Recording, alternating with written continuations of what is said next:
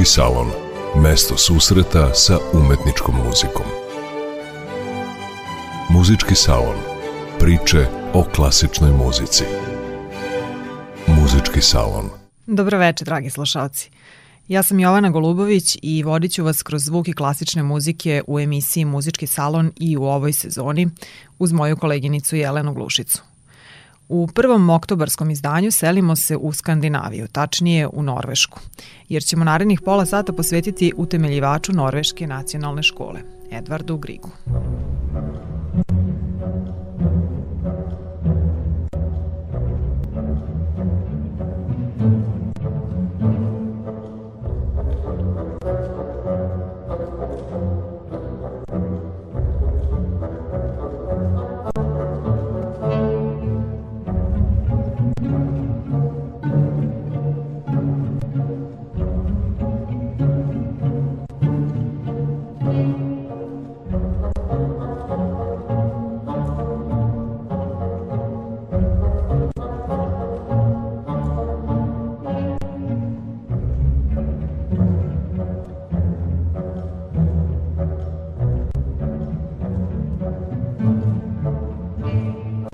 Mada je Grigovo ime u muzičkim krugovima dobro poznato, ljudima koji su manje upućeni u klasičnu muziku ono ne znači mnogo. Ali ipak verujem da je svako od nas barem nekoliko puta čuo delić Grigovog stvaralaštva. Ako ne na koncertu, onda u igranim ili animiranim filmovima, reklamama, ali i u video igrama. Muzika za Ibzenov scenski komad Pergint, čiji je deo čujemo u pozadini, klavirski koncert u A-molu i Svita Holberg predstavljaju najpoznatija umetnikova dela. Edward Grieg je živeo od 1843. do 1907. godine i smatra se najznačajnijim norveškim kompozitorom. Kao i njegovi savremenici širom Evrope, težio je da prikaže bogatstvo svoje zemlje kroz zvuke narodnih pesama i legendi u različitim muzičkim žanrovima. Pisao je solo pesme, sonate, gudački kvartet, simfoniju, uvertiru, svite, koncert i klavirske minijature obuhvaćene u ciklusu Lirski komadi, zahvaljujući kojima je prozvan Chopinom Severa. Tipičnim romantičarskim izborom tema zasnovanih na folkloru pridobio je publiku i van granica svoje zemlje i približio im norvešku muziku. Iako je svoju umetnost bazirao na osnovama narodne tradicije, Grig je bio čvrsto vezan za zapadnoevropsku umetničku baštinu. Zbog toga je istovremeno smatran i nacionalnim norveškim autorom, ali i evropskim stvaraocem. Na početku upoznavanja sa Grigovim delom čućemo drugi stav koncerta za klavir i orkestar u A-molu u izvođenju Artura Rubinštajna i Londonskog simfonijskog orkestra pod dirigenskom palicom maestra Andreja Previna.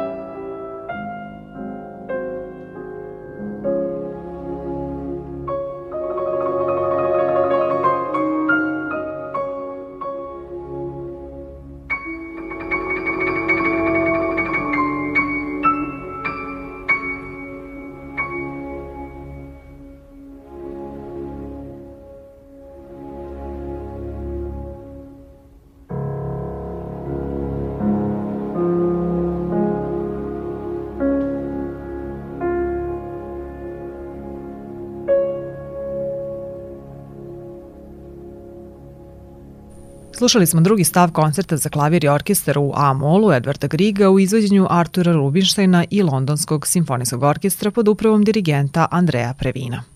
U nastavku malo biografskih podataka o kompozitoru iz norveškog grada Bergena.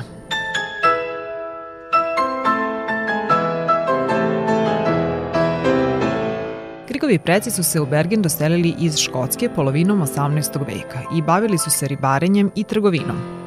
Edward je rođen u imućnoj porodici koja je postala i diplomatska budući da su deda i otac bili britanski konzuli u Bergenu. Njegova majka Norvežanka takođe je dolazila iz imućne porodice. Ona je pohađala muzičke studije u Hamburgu i bila je najbolji pijanista u gradu, te je Edward od šeste godine učio da svira klavir uz majku. I ona i njeni roditelji bili su aktivni u lokalnom muzičkom društvu Harmonijen, koje je jedan od najstarijih orkestara na svetu, a danas se zove Bergenska filharmonija. Inače, koncertna dvorana filharmonije nosi ime Sala Griga. Kada Edward imao 15 godina, čuo ga je Ole Bull, jedan od najistaknutijih violinista tog vremena sa bogatom međunarodnom karijerom i preporučio njegovim roditeljima da ga pošalju na prestižni konzervatorijum u Leipziga. Mladi Edward se u Leipzigu susreo sa nemačkom strogom nastavom klavira zasnovanoj na delima Černija i Klementija koja mu se nije dopadala i zahtevao je drugačiju nastavu koju je i dobio. U Leipzigu je Grig uživao u širenju kulturnih vidika koje mu je pružala za svetske utice otvorenije sredina od njegovog rodnog grada.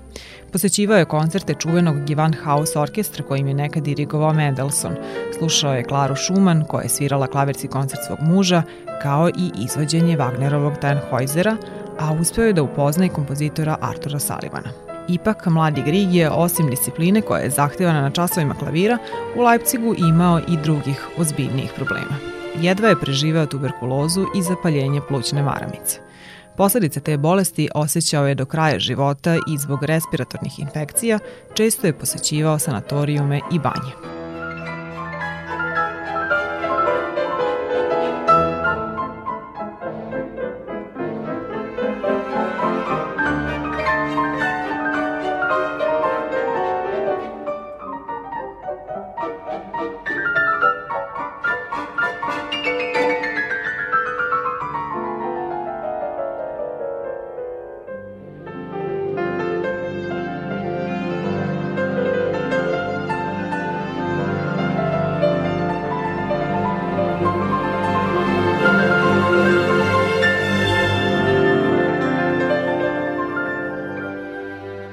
Sa 20 godina otišao je u Kopenhagen na studije kod Nilsa Gadea, gde je još više potpao pod uticaj Mendelsonovog stvaralaštva.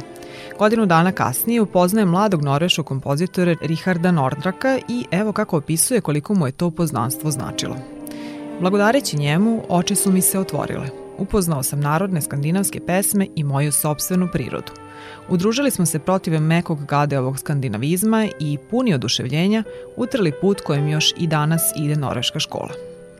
Nordrak je međutim umro ubrzo potom sa samo 24 godine. Grig je nastavio njihov zajednički put i bio je jedan od osnivača Kopenhagenskog koncertnog društva Euterpa koje je podržavalo produkciju dela mladih skandinavskih kompozitora.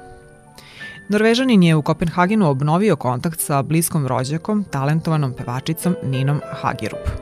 Verili su se 1865. kada je Edvardu bilo 22, a dve godine kasnije su se i venčali, uz negodovanje njene majke zbog toga što ništa ne zna da radi i komponuje muziku koja nikoga ne zanima. Svojoj dragoj Grig je nakon veritbe posvetio četiri pesme koje je napisao prema tekstu njihovog prijatelja Hansa Kristijana Andersena. Nazvao ih je Melodije srca – a mi ih slušamo u izvođenju meco-sopranistkinje Monike Grup i pijaniste Lovea Dervingera.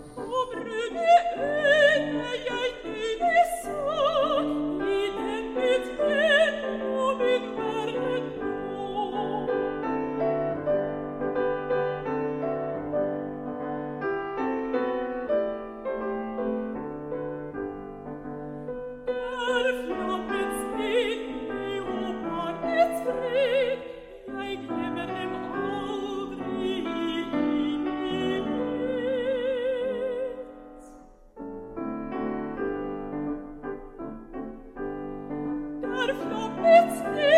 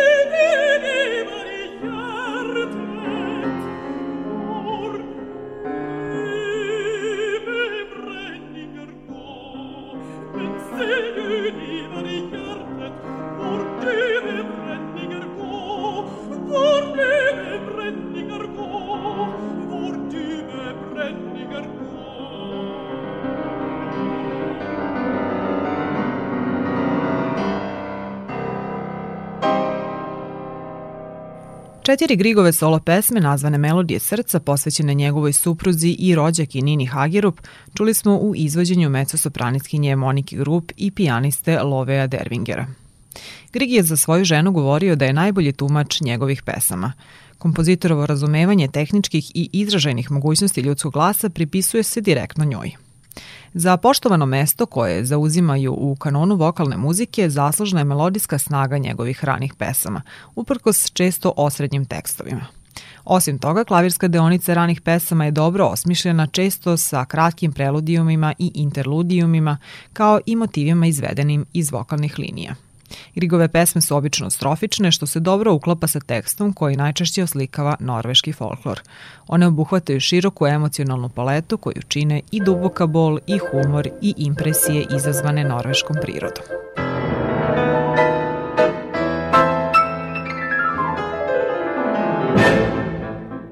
Neko vreme pre i nakon venčanja Grig je proveo u Rimu, gde je upoznao velikog norveškog dramaturka Henrika Ivzena sa kojim će sarađivati na muzici za dramu Pergint, ali i Franca Lista, koji je bio oduševljen Grigovim klavirskim koncertom. Umetnik ga je napisao kada je imao 25 godina i nemačka kritika ga je tada energično odbacila. A Grig je koncert prepravljao najmanje sedam puta. Poslednju verziju završio je nekoliko nedelja pre smrti i upravo je ona ta koju danas poznajemo. Jedna od najpopularnijih kompozicija klasične muzike u kome su primetni motivi iz norveškog muzičkog folklora često se poredi sa klavirskim koncertom u A-molu Roberta Schumana, tonalno po koncepciji prvog stava, ali i tematski. Šumanov koncert Grieg je imao prilike da čuje u interpretaciji Klare Schumann dok je studirao u Leipzigu, ali ipak Grigovo delo mnogo je izvođenije. Svega šest nedelja od premijere koncerta u Amolu Grig je doživeo ličnu tragediju. Dok se još oporavlja od smrti velikog prijatelja kompozitora Richarda Nordraka, njegova jednogodišnja čerka Aleksandra je umrla od meningitisa.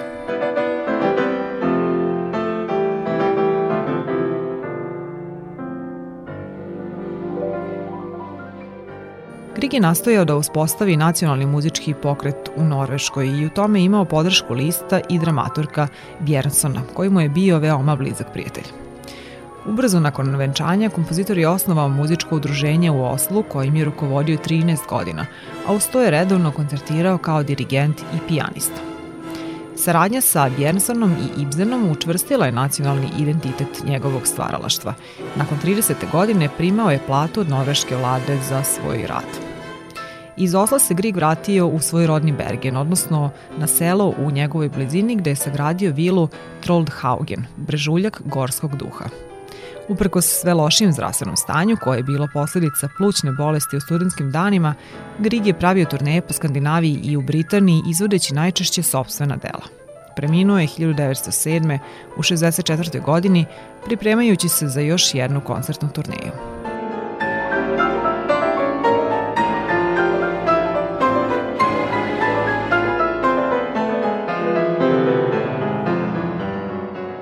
Ukorenjena u narodnoj tradiciji Norveške, Grigova muzika je poznata po istančanom lirskom smislu. Između 1867. i 1901. napisao je 10 zbirki lirskih komada za klavir. Mi ćemo na kraju večerašnje emisije čuti tri komada iz poslednje zbirke. Beše nekad davno, Letnje veče i Vilenjak. Izvodi ih Hakon Ausbo. Za ton prvog oktobarskog muzičkog salona bila je zadužena Violeta Marković. Ja sam Jovana Golubović. Želimo vam prijetan ostatak večeri. Pozdrav, do slušanja.